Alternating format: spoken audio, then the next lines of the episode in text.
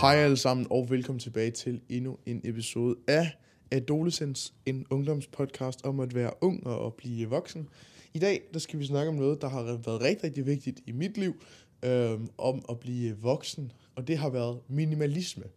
Øhm, jeg vil snakke lidt om, hvad er minimalisme, hvordan kommer man i gang, og hvad er ligesom fordel og ulemper ved at udøve minimalisme. Men inden øh, vi starter, så skal vi jo lige have en monster til jer, der ser med på YouTube. Så hvad er minimalisme? Minimalisme kan være rigtig, rigtig, rigtig mange ting, men det jeg udøver minimalisme allermest i, det er sådan generelt mit materielle liv.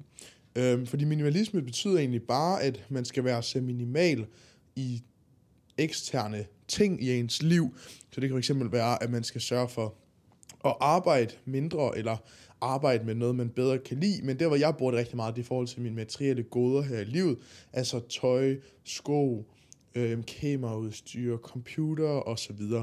Så for mig betyder minimalisme, at det gælder om at have Øhm, det handler ikke om at have så lidt som muligt af noget, men derimod at have noget, man rent faktisk sætter pris på.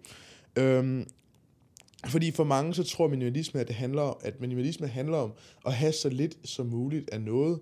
Øh, og det er slet ikke sandt. Det handler egentlig bare mere om at være glad for de individuelle ting, man har. Øh, så ja, jeg tror, minimalisme overordnet kan sige som, det er det modsatte af materialisme, at man skal ligesom være, have mindre at, end man rent faktisk har brug for, eller have lige præcis til det punkt, man har brug for. Og lige præcis til det punkt, man har brug for, er egentlig også meget sjovt, fordi hvis man har læst blandt andet Bibelen og Koranen, og har læst om buddhisme og hinduisme, så er det sjove, at alle religioner har faktisk til sammen, øh, at de snakker alle som om, at man skal leve for, for det, man har behov for, men at leve for mere, end hvad der egentlig er nødvendigt, er faktisk en synd i nærmest alle religioner. Øhm, så det var egentlig bare en lille sjov sidebemærkning, og det er jo egentlig lidt sjovt, at forskellige religioner alle sammen snakker om, hvor vigtigt det er det her med at leve med lige præcis det, man har brug for, men ikke ligesom overflødigt. Så ja, øhm, jeg tænker, at vi kan starte lidt om, hvorfor jeg synes, minimalisme er rigtig vigtigt, og hvorfor jeg synes, det er rigtig vigtigt hos unge. Øhm, rigtig, rigtig mange unge går meget op i sko og i tøj, og det skal være dyrt, og det skal være noget nyt hver dag, og så videre. Øhm, og det tror jeg er, er meget usundt, fordi ligesom med alle andre ting i ens liv, hvis man altid går op i at have mere, så bliver man aldrig tilfreds med det, hvor man er.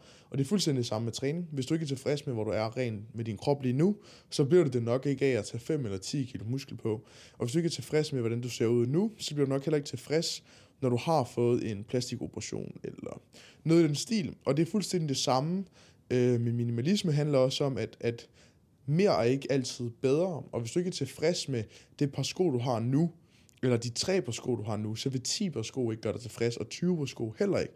Øhm, så, og det tror jeg er rigtig vigtigt, fordi at rigtig mange unge putter så meget identitet i at have en masse tøj, og går rigtig meget op i at skifte i det hver eneste dag, og at de skal have 25 forskellige outfits og så videre. Og det er også rigtigt nok, at, at tøj selvfølgelig er en måde at være med til at udtrykke din identitet på. Øhm, og det er selvfølgelig vigtigt at have nok tøj, så man ikke lugter. Men der når også til et punkt, hvor, hvor, hvor jeg personligt synes, at det bliver simpelthen for meget. Øhm, jeg var hjemme hos en pige på et tidspunkt, og jeg tror, hun havde 40 på bukser. No joke.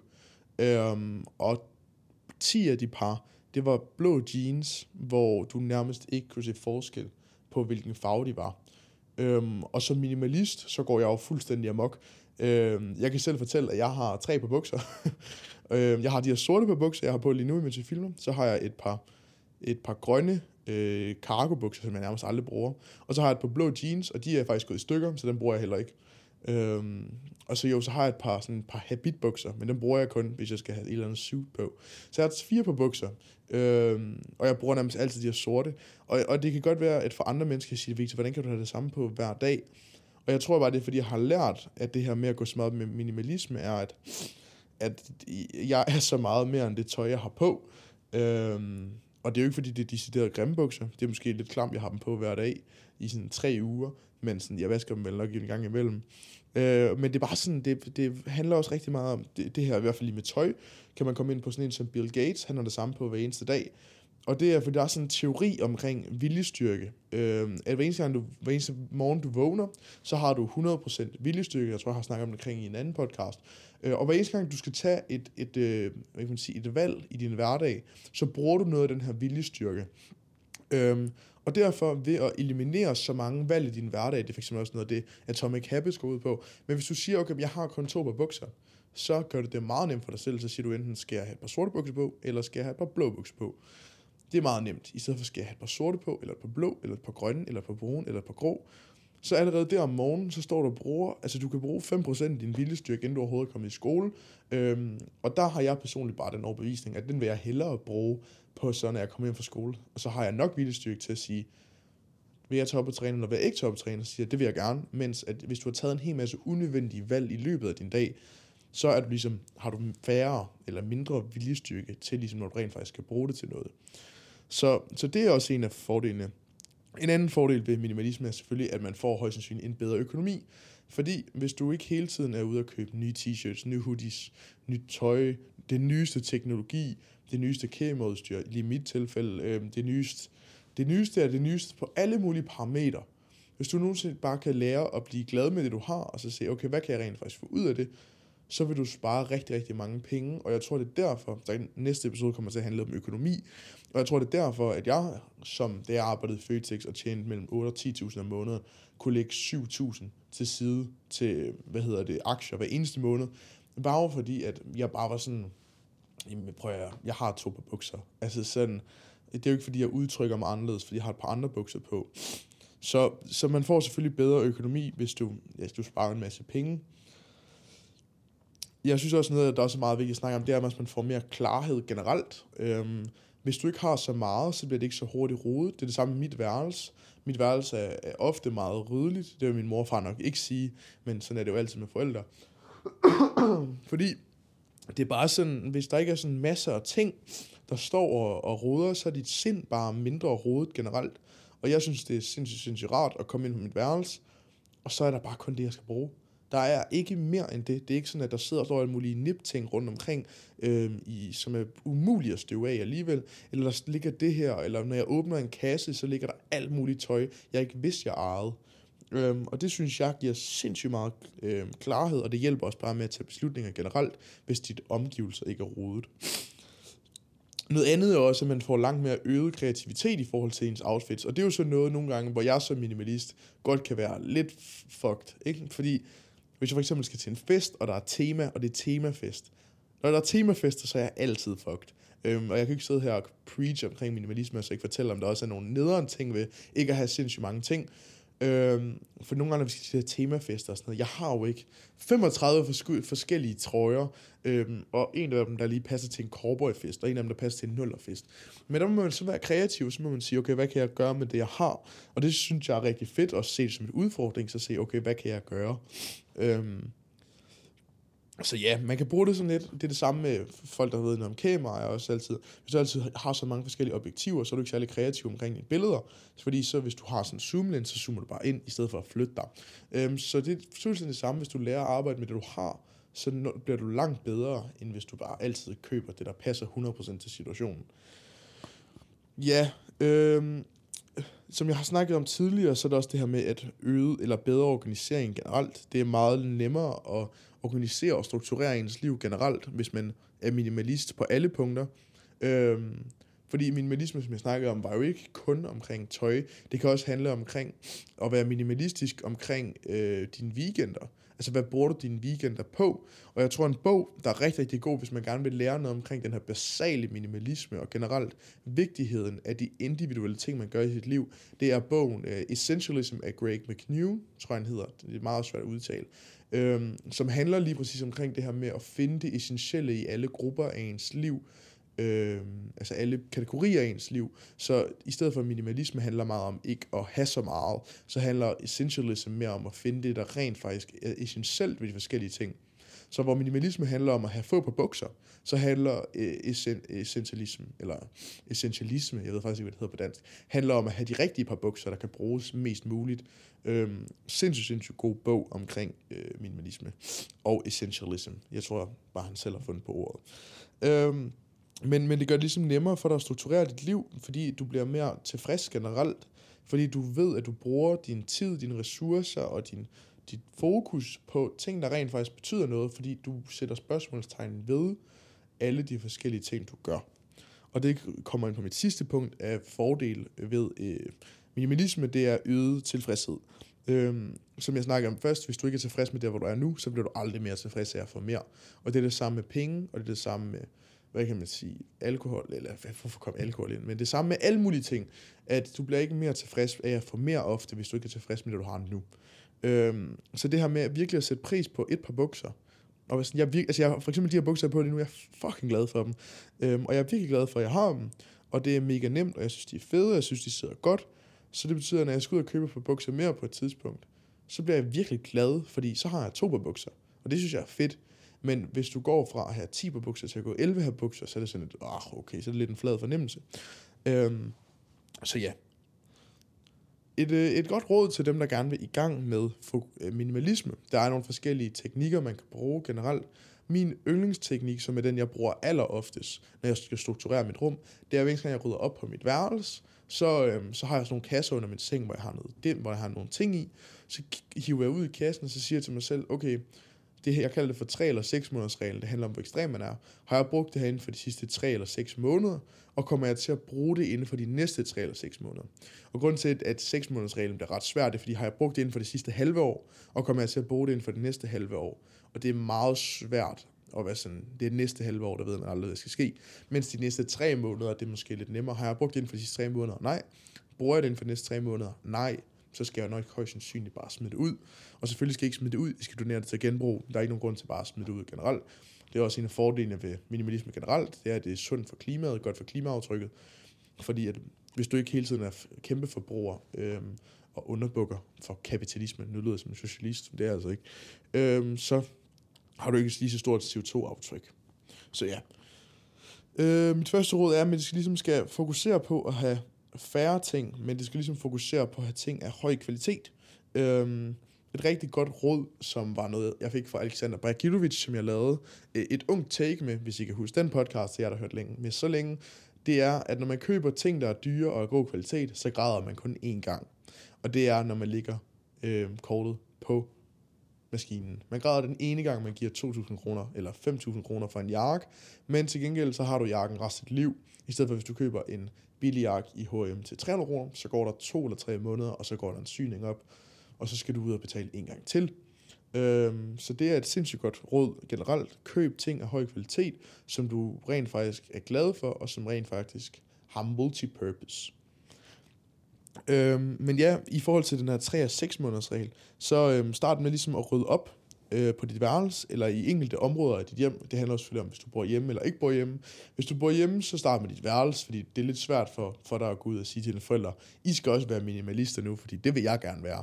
Øh, og der taler jeg total erfaring. Mine forældre, de synes, det er træls, når jeg prøver at smide ting ud, fordi jeg synes, det er roder, eller fordi jeg synes, det er latterligt, fordi vi ikke har brugt en eller anden dum isbakke i 6 måneder, og jeg synes, det er latterligt, den bare ligger og flyder. Øhm, så ja, begynd at rydde op, gå ind på dit værelse, og så, så begynd bare med et lille hjørne, begynd med en kasse, begynd med en tøjskab, så sig, okay, i, i den her kommode, så tager du hver enkelte ting ud, ligger i din seng, så kan du også lige støvsuge kommoden, nu er du alligevel i gang, den er sikkert klam. Så øh, når du tager en ting og skal til at putte tilbage, så siger du, okay, har jeg brugt den her de sidste 3 eller 6 måneder, og kommer jeg til at bruge den? Er jeg rent faktisk glad for den her dims, eller ligger den bare hernede og flyder for at flyde?